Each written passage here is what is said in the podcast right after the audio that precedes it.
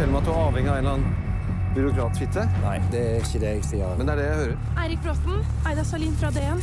Jeg prøver bare å forstå hvorfor han fuckeren Eggen slipper unna hver eneste gang. Her snakker vi om folk som kan slette bevis uten å etterlate seg spor. Siv Rajendram Eliassen og Anne Bakke-Vik er blant Film- og Serie-Norges dyktigste og mest produktive forfattere. De har bl.a. utforsket mysteriedrama i serien Frikjent. De skrev manus til den svært krevende spillefilmen Utøya 22.07, og er nå aktuelle med thrillerserien Heksejakt. Velkommen til filmsamtalen, Siv og Anna. Tusen takk. Tusen takk. Ja, Som manusforfatter og serieskapere har dere etablert dere blant våre beste samtidskronikører, sa en klok person nylig. Oi, du er den. Jeg skal fortelle senere hvem som sa det. Eh, og I den nye serien behandler dere et tema som har vært veldig oppe i dagen de siste årene. Det handler om varsling i en næringslivskultur som har gått av skaftet, eh, på steroider om du vil. Altså Her går dere inn i de psykologiske, relasjonelle og politiske konsekvensene av å varsle, har jeg lest et sted. Men jeg har også sett serien, selvfølgelig. Og vanligvis er det jo ikke sånn at serieskapere eller forfattere starter med en sånn veldig tydelig definert tematikk. Mm. Men var det så enkelt denne gangen at dere bestemte dere for at nå skulle dere lage en serie om varsling? Ja, faktisk. Ja. Eh, For det at det hele startet med en, eh, en interesse for eh, varsleren som karakter. Og derav eh, følger jo nødvendigvis at vi ville skrive en serie om varsling. Eh, Og grunnen til at eh, vi ble opptatt av varsleren som karakter, er fordi at det er en veldig sammensatt og eh, motsetningsfylt karakter, eller iallfall en rolle å ha. For når du varsler, så er du på en og samme tid både eh, helt for de som heier på varslingen, og du er sviker eller tyster for de som rammes i anførselstegn av eh, varslingen din. Eh, og vår interesse for varsleren som karakter kommer av at vi har eh, oppdaget og forstått at eh, det er ikke sånn at eh, alle er varslere, og at, eller sånn som vi liker å tro, at vi alle ville gjort det, for det er en eh, ganske tøff prosess å stå i. Og vi var ute etter å utforske hva er det med disse karakterene som, som orker. Ja, fordi Det som slo meg etter at jeg så de første fire episodene, var jo at eh, hm, ja, konklusjonen her er vel at eh, varsling bør man holde seg langt unna. Ja, For omkostningene er så, vold, det er så voldsomme omkostninger, og det, det er jo et litt sånn nedslående ja, det kan du budskap. si. Eller det er, det er jo ikke budskapet deres, men jeg leser det jo litt inn her, da. Det kan du si, men det var også litt nedslående for oss. Altså for vi, vi begynte ut med en veldig sånn fascinasjon og beundring for varslerne. Vi satte oss inn i veldig mange varslersaker. Eh, snakket med noen varslere, fulgte en rettssak. Eh, eh, og ble veldig rystet underveis. Altså, vi gikk inn med en veldig sånn sterk identifikasjon med varslere. De, jeg tror de fleste varslere har en veldig sånn sterk rettferdighetssans, eller et sterkt indre kompass, eh, moralsk kompass. Og vi, vi snakker mye om det, Siv og jeg, når vi skriver om at vi, vi er jo opptatt av den store urettferdigheten. Den store urettferdigheten er en veldig god dramamotor. Um, og vi følte nok vi startet med å føle en veldig sånn identifikasjon. At ja, fy flate, dette ville vi ha gjort. Og så etter hvert som vi liksom rullet ut og lærte mer om tematikken og så hvordan enkelte mønstre gikk igjen, og så måtte vi, møtte vi oss selv i døra på et tidspunkt og tenkte at jeg er ikke sikker på om vi er For det der. enkleste er jo å gi etter. Eller det er ikke så enkelt det heller, men altså målt opp mot i hvert fall slik det fremstilles i serien. Når presset blir så stort som det kan bli, så, så er det antagelig det enkleste å gi etter. Og vi har, det finnes jo tall på at um, det er ca. 40% av oss som, som varsler. Og av de igjen så er det ikke sikkert at alle holder helt i mål. Fordi at det er jo nettopp det vi har oppdaget, at disse prosessene de følger et visst mønster. Og det er litt sånn stop and go. Mm. Du blir møtt med en viss motstand, og den er kanskje subtil og tydelig, men subtil i starten. Og så får du en mulighet til å trekke deg, og så trekker du deg ikke, så blir det litt mer alvorlig. Så får du en ny mulighet til å trekke deg, Og hvis ikke du gjør det, så blir det enda mer alvorlig, og til slutt så kan man ende opp i et sånt inferno som vår karakter gjør. Jeg tror det er veldig mange som trekker seg underveis, rett og slett. Eh, Som slutter i jobben sin, eller eh, kanskje omplasseres til en annen avdeling, hvis, eller, Eller bare og som blir sier, der og ja, men det er greit. ja, jeg sa fra, eh, dere får løse det. Og så lar man det bli med det, og så er det da, som vi har sett i flere for i veldig mange store politiske skandaler så ligger det jo ofte varsler bak, eller et varsel, og ofte flere varsler, som vi har sett i Nav-skandalen nå f.eks. Mm. Og, og hvordan kan så mange si fra uten at noe skjer? Og det er jo litt det vi eh, forteller om da i, i Heksejakt, at jo, derfor kan folk si fra, og så kan ting allikevel ikke skje. Og det er jo ikke fordi at, eh, at folk er fryktelig slemme og legger en sånn ond masterplan med, en gang varselet kommer, at he-he-he, nå skal vi, nå skal vi jammen få satt vedkommende på plass. Eh, men det er jo bare dette med at vi vil helst ikke høre det som er ubehagelig, og når du varsler, så anklager du på en måte også de som ikke har varslet for ikke å ha gjort jobben sin. Så det blir veldig mange som Det er mange som ikke ønsker at, at det ubehagelige sannheten skal komme fram, da. Vi har jo sett allerede at uh, den litt mer Hva skal vi si øh, dekadente delen av næringslivet. altså De ble jo skildret i den øh, NRK-serien Exit, og da lurte jo mange av oss på liksom, ja, hvor realistisk er dette, da? Er det sånn det foregår? Eh, og når jeg så denne serien, så tenkte jeg også kanskje altså, hvor, har, hvor har dere hentet disse historiene fra? De var jo ikke så spektakulære i og for seg, det starter jo med en faktura. Men, men, men det er jo det, det settes jo på spissen, selvfølgelig. Men vi har, eh, vi har gjort eh, mer research denne gangen enn vi har gjort på noe annet prosjekt eh, vi har jobbet med. Ikke minst fordi at vi er inne i så mange ulike altså Det er Økokrim, det er, vi snakker om korrupsjon, vi er i et forretningsadvokatmiljø. Og vi har gått inn i Siv og Anne har sett på mange saker de ikke kan noe om. og, og samtidig har vi vært opptatt av at i og med at vi, vi, vi, vi har et ønske om å være politiske her, vi har et ønske om å si noe om Norge i dag. Og derfor har vi også vært veldig, veldig opptatt av å gjøre et så godt forarbeid som, som eh, overhodet mulig, og virkelig prøve å sette oss inn i hvordan, hvordan jobber de i eh, en forretningsadvokatverden, hvordan jobber de i Økokrim, hvordan er maktdynamikken her eh, når vi påstår at Økokrim har et budsjettspøkelse, så har ikke vi diktet det. Det har vi, det har vi eh, fått fra Økokrim selv. Og, og mm, ja, så, så vi, har, vi har rett og slett gjort eh, veldig veldig omfattende research. Snakket med mange. Testet ut eh, scenarioene eh, på eh, aktører som er i de ulike bransjene, og spurt kan det være sånn, kan det være sånn. Um, og veldig ofte så, så er det jo sånn at vi kommer til bordet med noe vi har tenkt, noe vi har diktet. Tester det ut på aktører som, som er i den aktuelle bransjen. Og så sier de at nei, det kan ikke være sånn, men det kunne f.eks. være sånn. Eh, og det som er veldig morsomt, eh, er jo at eh, da får man ofte en tvist som gjør scenarioet mer realistisk, men ofte mer spennende. Ja, og det er jo noe med det, og, og, og vi vil jo også at det skal være spennende, og, og vi vil at Vi bruker jo fiksjonen for å si noen ting om virkeligheten, for å si det litt enkelt. Og, og da vil vi jo at den skal engasjere, og vi vil at fiksjonen skal engasjere. Vi vil at folk skal bli opprørt på vegne av Ida og, og, og sånn. Så vi, vi leter jo etter liksom den, den gode maten da, i, i all denne researchen. Men det viser seg jo ofte at det å gå den der ekstra runden i forhold til virkeligheten og gjøre den avsjekken, ofte gjør at eh, det blir mer interessante tvister. Da. Eh, For når vi skriver, så skriver vi jo en tradisjon som jo er jo en sånn amerikansk serietradisjon. Eller vi har jo sett masse, ikke sant? og vi er jo preget av alt rundt. Og så kan vi liksom hadde for Vi tror at et amerikansk rettssalsdrama Ja, er jo sånn som det er. Ikke sant? Ja. Og når vi holder på med så mye juss, så er det helt umulig å ikke være påvirket av alle lawyer-seriene vi Mm. har sett. Og vi hadde bl.a. et case hvor vi var i, i samtale med politiet, hvor vi drev og testet ut eh, eh, ulike ting rundt Jeg skal ikke spoile her, da, men eh, rundt en litt dramatisk hendelse, som omtrent midtveis i serien.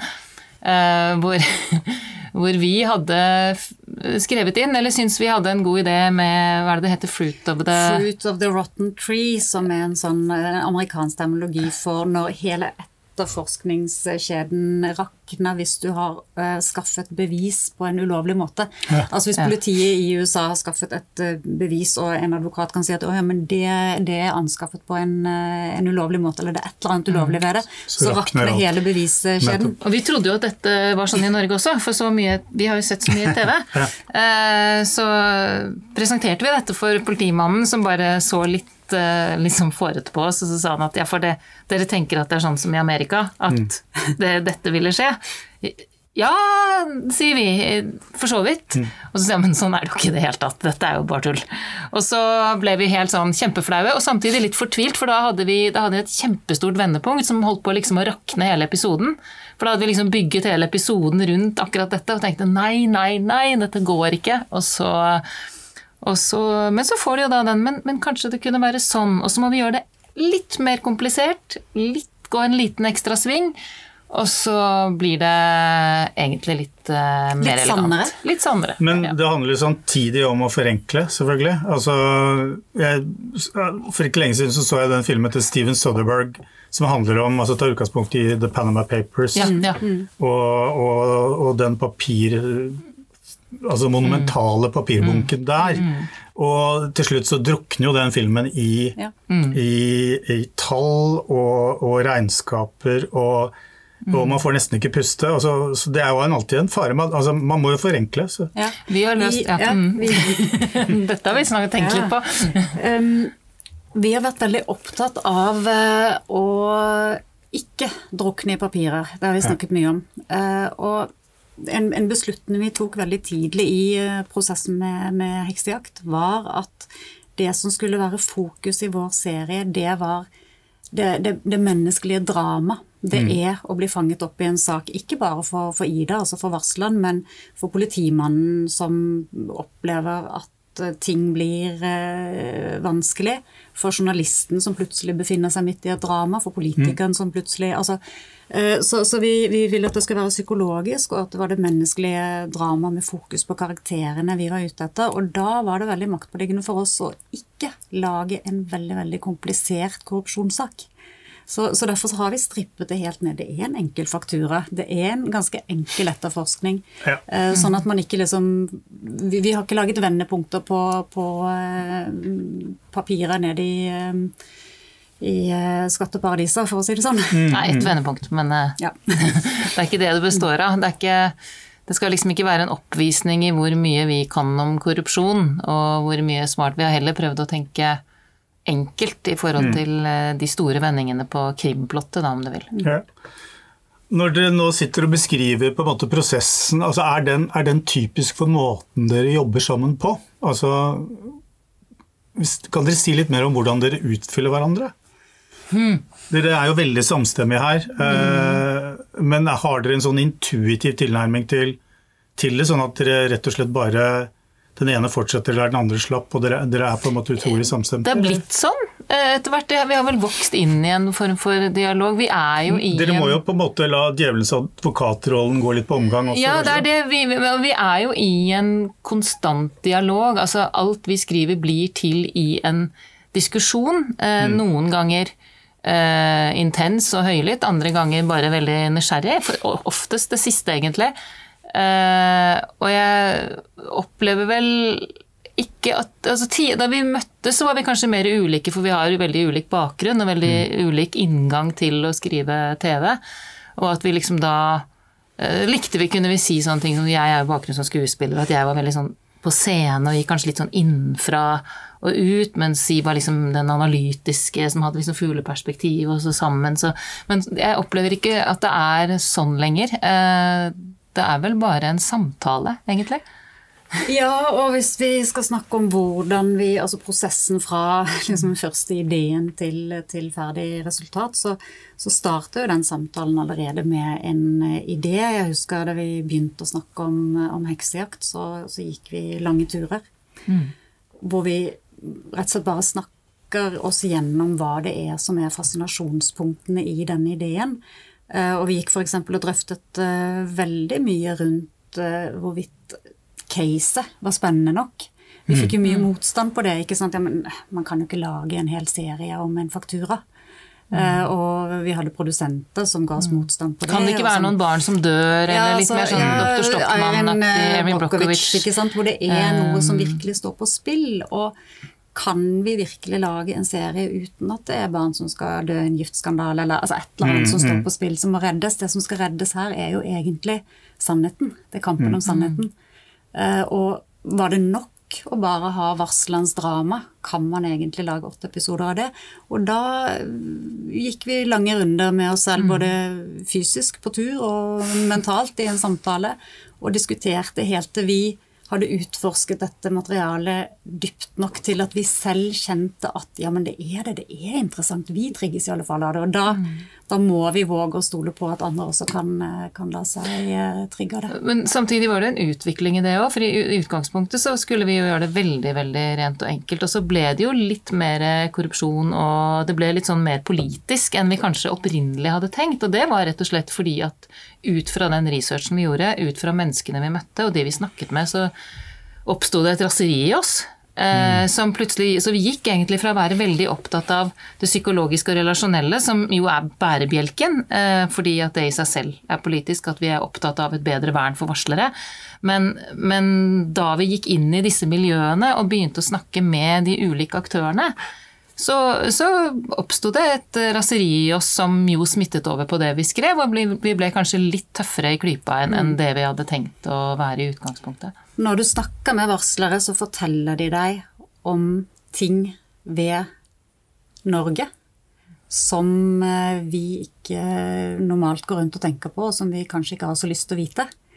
Og det raseriet som, eh, som eh, ble født av de samtalene, eh, skapte rett og slett eh, et, eh, et ønske hos oss om å fortelle en historie hvor vi ville smitte publikum med, det, med det samme raseriet eller den samme, det samme engasjementet. Og vi sier litt som fleipete at vi, liksom, vi valgte på et tidspunkt å slippe løs vår indre tolvåring.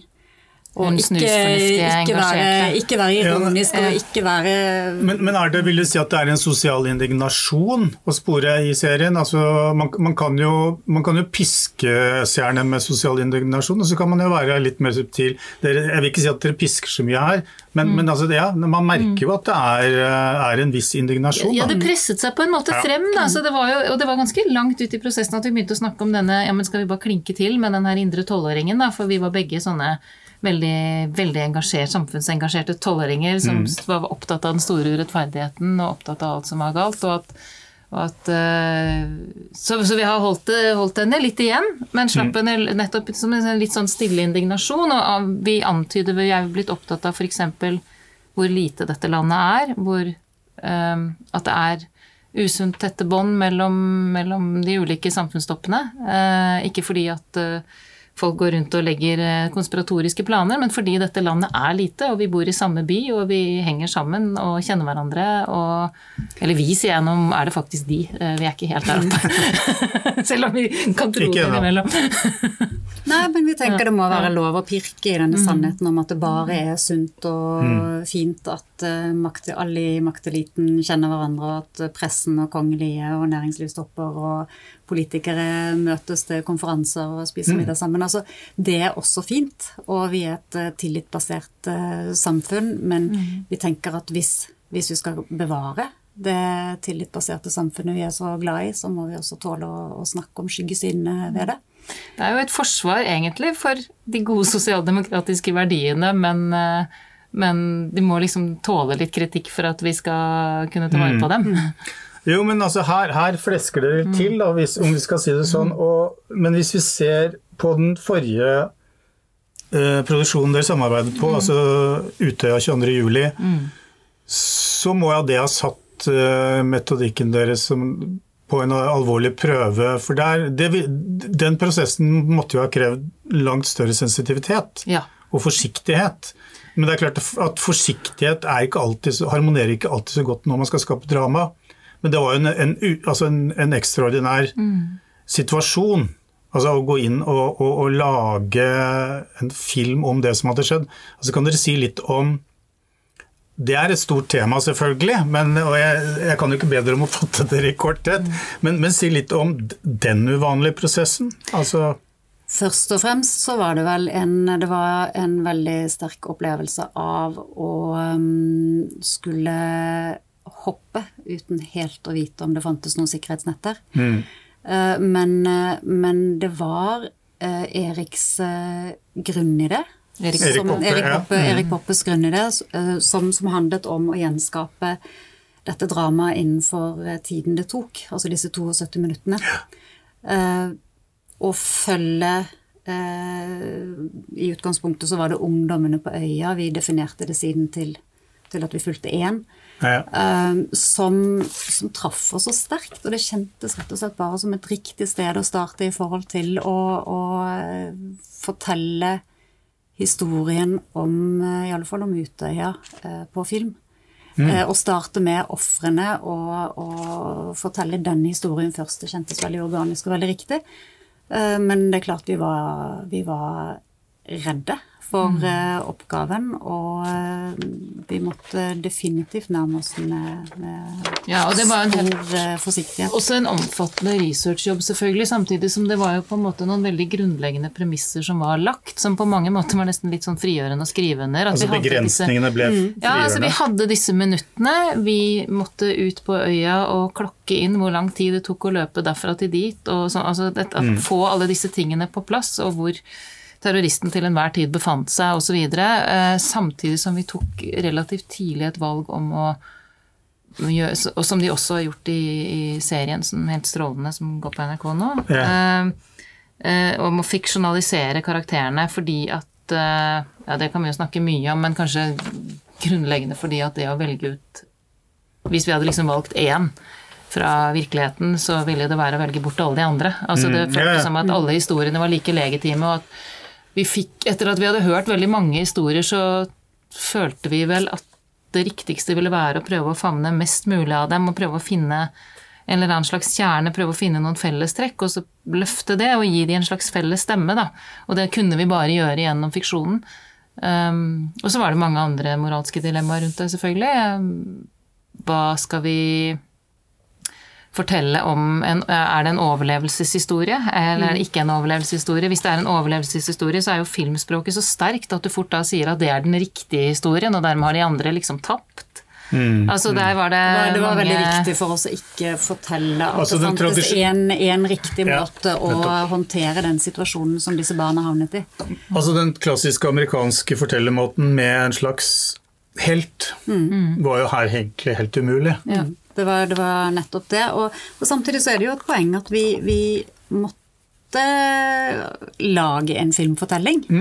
Eh, det, dette er jo ikke en rekonstruksjon. Uh, og det måtte være en fortelling om noen som Altså en, en eh, protagonist som, som vil noe. Så altså, det å finne den historien, den lille fortellingen om hva det var eh, vår hovedkarakter mm. ønsket å få til, og da da vi landet på dette med å finne en søster på øya, så, har, så var liksom det da vi vi et, gjorde det, eh, så ble det nesten også et, et uh, moralsk dilemma, fordi lager vi nå underholdning av dette? Fordi vi prøver å tenke på å skyve fortellingen framover fordi vi vil liksom ha et narrativ. Men, men så er det jo sånn at dette med gode narrativer, det er jo noe vi mennesker bruker, og det er jo derfor vi syns det er så spennende å fortelle historier. Eh, bruker for å overleve i verden, rett og slett. Og det interessante er jo at alle vi snakket med som overlevde Utøya, eh, hadde jo nettopp disse narrativene. Det er jo derfor man leter etter mening i det meningsløse. Kanskje nettopp fordi jeg løp dit, så overlevde jeg. Eller fordi jeg svømte da, eller fordi jeg tok det valget der og ikke der. At man, eh, og det gjør vi jo alle når vi har opplevd noe som er forferdelig. Så prøver vi etterpå å fortelle, lage en fortelling hvor vi setter oss selv i en slags eh, helterolle, om du vil, eller en hovedkarakterrolle, og så fortelle at derfor ble det sånn. For sånn kan vi håndtere det som er vondt. Det er veldig menneskelig. Det er derfor historier har eksistert siden tidenes morgen, eller siden leirbålenes tid. Så, så det føltes samtidig veldig riktig å lage et, uh, lage et narrativ. Samtidig så var det viktig å ikke, ikke lage nettopp den historien som du var inne på, at eh, helt gjør A, B, C, og derfor lykkes hun, og dermed gikk det bra. Altså, det var derfor vi også valgte den utgangen på filmen som vi gjorde. Ja. Siv, jeg husker at du for, for en god del år siden så skrev du noe for Rushprint eh, om din erfaring av å skrive for den danske serien 'Den som dreper'. Eh, og du hadde da, de, da brukt halvannet år på å sette deg inn i psyken til en seriemorder, eller seriemordere, da terroren rammet 22.07. Og, og så skrev du at du gikk inn i en profesjonell krise, og jeg husker veldig godt at du på en måte sa at i møte med denne iskalde brutaliteten hadde jeg ingen nytte lenger av mitt profesjonelle filter, kunne ikke så lett rettferdiggjøre det produktet jeg hadde vært med på å skape. Altså du, du snakket om at du møtte deg selv i døra, og jeg husker at den, den gjorde veldig inntrykk på meg. og Hvordan forholdt det seg når du på en måte tilnærmet deg 22.07. I, eh, i, på denne konkrete filmen som vi snakker om nå? Det er kanskje en av eh, grunnene til at da telefonen kom fra Erik Poppe, så var det helt umulig å si nei til å i hvert fall forsøke å fortelle den mm. uh, historien. Uh, og det, det, du beskriver der, det ble et slags vendepunkt i, i, forhold til det jeg har drevet med, hvor det ble en slags innsikt i at når vi får lov til å, å, holde på å lage disse historiene og bruke masse ressurser og andre menneskers kompetanse, og, og blir møtt og sett med så stor interesse, eh, så må vi på en eller annen måte Eller, vi, eller jeg føler iallfall at, at jeg skylder å eh, prøve å fortelle historier som, som, har en eller annen form for relevans. Altså Vi må ville noe mer enn Altså vi skal underholde. Mm. Uh, Anna og jeg er veldig opptatt av å underholde fordi at mm. vi tror at en god historie bærer et budskap bedre enn en dårlig historie. Men, men ja, blitt litt uh, opptatt av at uh, vi må ville noe med fortellingene våre. Mm. Mm. Det er ikke så enkelt lenger å lage, lage filmer og serier om, om seriemordere og massemordere, uh, kanskje? altså, jeg sier jo ikke at det var falt lett for dere tidligere, det er jo ikke det jeg antyder. Nå tenker jeg bare generelt på for, for, for, for serieskapere og filmskapere. Samtidig så har det vel kanskje aldri vært laget mer, men kanskje mer på true crime-siden. Ja. Mm. Og jeg syns nesten det er helt absurd at uh, hver eneste seriemorder i verdenshistorien skal gjenskapes uh, i som true crime etter hvert. Mm. Grunnen til at jeg bare nevner det, er altså at jeg, jeg, tenkte vi skulle bare prøve å se litt inn i, inn i altså dramalandskapet. Fordi eh, når vi intervjuet dere for et par år siden, så kom vi inn på altså eh, Frikjent. Eh, og hvordan Da snakket dere om at at det, at det, var karakterene eh, som på en måte fenget dere. Eh, krimelementet var ikke så viktig, og deres, dere, dere, merket at det ble stadig mindre viktig for, for serieskapere som, som, eh, som, lager drama. altså at de, krimelementet blir, blir, bare en liten del av det. Kanskje ikke så fremtredende som det var. Jeg vet ikke hvordan dere opplever det nå. Nå er det vel gått et par år siden den gang. Du tenker i forhold til sjanger? Ja. Liksom? ja. Nei, altså Altså Frikjent var jo en type Det handlet jo om karakterene, mm. det handler ikke nødvendigvis så mye om selve krimplottet. Mm. Mm. Nei, altså, vi, vi, er jo ikke noen sånn uh, sjangernerder på den måten, for det er jo noen som liksom elsker krim eller elsker thriller eller elsker drama, eller vi, vi har jo helt ja, siden den gangen tøyd litt i de begrepene. Uh, uh, Heksejakt er jo, en, er jo en thriller og et drama, mm. alt etter litt hvordan du ser på det. Um, og vi bruker vel jeg vet ikke hva jeg skal si om det. Altså, vi bruker på en måte bare Jeg tror jo også TV-seerne er blitt ganske sofistikerte etter hvert. De har sett veldig mye. Ja. Uh, og sjonglerer ganske enkelt mellom ulike sjangere. Og vi, ja, vi, vi jazzer vel kanskje litt. Men jeg tror jo, eh, til det du spurte om, altså eh, krimsjangeren forsvinner jo ikke. Og, mm. og det finnes uh, mange gode måter å fortelle en god krimhistorie på, men det er vel ikke helt der vår, eh, vår interesse ligger. Mm. Um, og når vi har kommet dit at vi kan få lov til å definere mer hvilke altså Dette er jo en, det er et privilegium å få lov til å, å, bestemme selv hvilke historier man vil lage. Det er en masse, masse produksjoner der ute hvor som er produsentinitiert, eller det er dramatisering av en eh, bestselgerkrim, og, og det er en slags eh, utvikling i dette. Jeg har virkelig gjort min skjerv av å sitte og dramatisere eh, krim, mm. eh, og man lærer mye av det, men, men eh, nå er vi på et sted i vår, vår, karriere hvor vi kan få lov til å definere våre egne prosjekter i en mye større grad. og Og da går vi, da går vi dit vår nysgjerrighet fører oss. Og så snakker man om at eh, det er altså, Til det kjedsommelige har man snakket om at det er en gullalder innen dramaformatet. Og det er det jo selvfølgelig. Og det er jo en, en overflod, eller, eller, skal vi si det er et overskudd av prosjekter eh, nå for tiden, i hvert fall, eh, som vi aldri har sett noensinne før i, norsk film- og, og TV-dramahistorie. Altså, hvordan opplever dere det? Det har jo de siste vært uh, litt debatt, som Anders Danielsen Lie utløste, hvor han snakket om at det gikk så fort i svingene at uh, det går så fort i svingene at man får ikke kvalitetssikret ordentlig. Uh, det var hans innvending. Altså, men hvis dere først kunne kommentere det, altså, hvordan opplever dere at, at det har endret seg? Altså, for nå virker det på meg men Jeg er jo ikke midt inni det her, men jeg får hele tiden hørt fortellinger om at liksom, alle er på, på, jakt etter manus, alle, alle vil ha altså, Det er nesten en slags sånn frenetisk jakt etter de beste prosjektene. men ja. Det er en stor etterspørsel, det er det ja. ikke noe tvil om. Det merker jo vi òg. Eh, på at det er veldig mange Plutselig skulle alle filmselskapene begynne å lage TV, f.eks. Og da er det klart at da, da, blir det jo etterspørsel etter folk og mm. alt mulig. Og først og fremst er jo det et gode og et tegn på at uh, dramaproduksjon i Norge har hatt et kjempeløft de siste ti årene. Uh, det har kommet veldig mye bra folk til. Det har vært laget veldig mye godt TV-drama som gjør at det også har fra å liksom nesten ikke ha tillit hos publikum i det hele tatt, mm. så har jo norsk TV-drama en stor tillit. Folk gleder seg jo nå til den nye norske serien. Og også i utlandet så er det jo en sånn Så det er jo ikke noe tvil om at det er gode tider, eh, og det kommer det mye godt ut av. Og så er det klart at da blir det jo selvfølgelig en fare for at det går litt fort i svingene når alle skal kaste seg på samme bølge samtidig. Mm. Eh, og sånn sett er jo kritikken til Anders Danielsen Lie helt betimelig. Altså, man skal passe seg for å, å liksom bli for begeistret i all begeistringen. Samtidig så er det jo viktig å understreke at uh, det er jo ikke én bransje der uh, alle agerer uh, mm. likt. og det er Altså, fortellingen om hvordan en produksjon blir til, er jo ulik fra prosess til prosess. Eh, og det finnes også mange dyktige produsenter der ute som, som virkelig prioriterer manusarbeid og sørger for å, å legge inn eh, god tid og eh, høy kvalitetssikring. Hmm.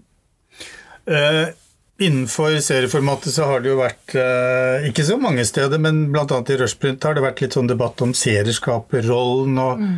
så har vi prøvd å liksom avgrense denne liksom serieskaperidentiteten, og det er jo ikke helt enkelt. og Du er jo inne på det når du snakker om at uh, det, er, det er, en bransje hvor man har forskjellige metoder og innfallsvinkler. Mm. altså, hvordan, hvordan, ser dere på serieskaperrollen? Altså, i, i Norge så så er den jo litt mer utvannet kanskje enn den er i, i USA, hvor, den, hvor, man har på en måte en serieskaperkultur som er veldig sterk. Hva, den passer kanskje ikke så godt inn i den norske virkeligheten, eller hvordan oppfatter dere det? Det kommer litt an på om du Altså vi, vi, eh, Jeg tror ikke vi er en stor nok bransje til at vi kan ha en sånn showrunner-modell som de har i USA, med mm. svære manusrom, hvor du har en showrunner som står og bare plukker det beste av et, eh, en hærskare ja. av eh, forfattere. Vi må nok finne andre modeller her hos oss. Og um, Anna og jeg har jo gjennom et langt samarbeid primært med Misofilm i Danmark og Norge utviklet vår måte å være serieskapere på. Og for oss, hvis vi kan si det veldig, veldig enkelt, så handler det å være serieskaper om at det er vi som kommer med historien, det er vi som utvikler historien, og at vi står på mål for historien helt til siste klipp og siste lyd er lagt. Ja. Mm. Og det handler om at, eh, det handler om at eh, ikke at vi skal være klippere eller lydfolk eller eh, regissører eller noe som helst. Vi er forfattere, men det er vi som kjenner historien. Og det er vi som, som, som vet hvor vi skal, og dermed så er det så utrolig mange eh, svinger underveis eh, som vi faktisk kan eh, løfte prosjektet ved å være til stede i. Mm. Hvis det gir mening. Jo.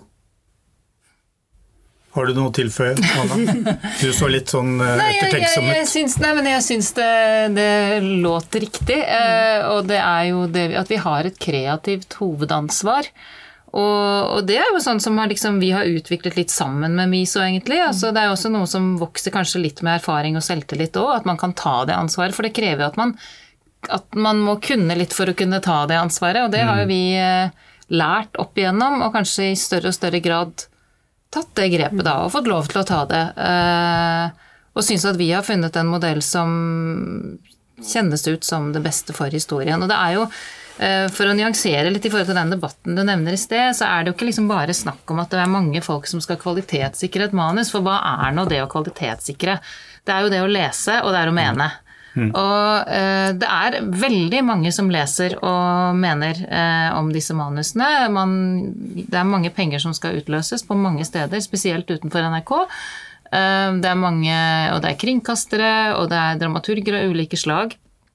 Uh, og jo flere som på en måte kaster inn og mener her, jo vanskeligere er det selvfølgelig også å navigere. Det krever et veldig sterk og tydelig visjon uh, hos serieskaperen eller forfatteren eller regissøren, alt etter hvem som har denne rollen.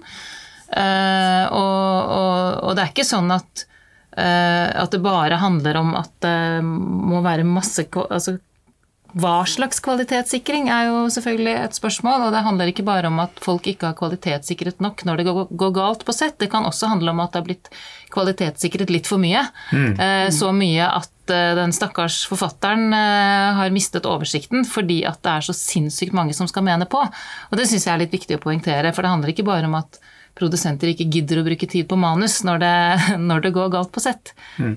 Det er stor, et stort maskineri med veldig mange mennesker. Veldig mange mener noe om noe. Og mye mer enn spillefilmen, for det går over lengre tid. Det er flere mennesker på ballen, og det er veldig mye som kan bli lost in translation fra den ene, ene funksjonen til den neste. Da.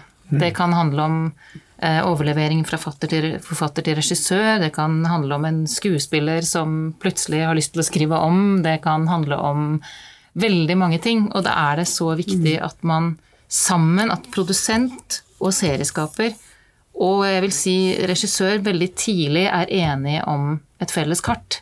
For hvis det er riktig forankret, så vil disse tingene, disse prosessene gå, gå bedre, da. Jeg tror det får bli det siste ordet eh, i denne sammenheng. Eh, tusen takk for at dere ble med i denne samtalen. Tusen takk for at vi fikk bli med. Er du fornøyd? Er du fornøyd? Vi hadde ingenting med det å gjøre, sant?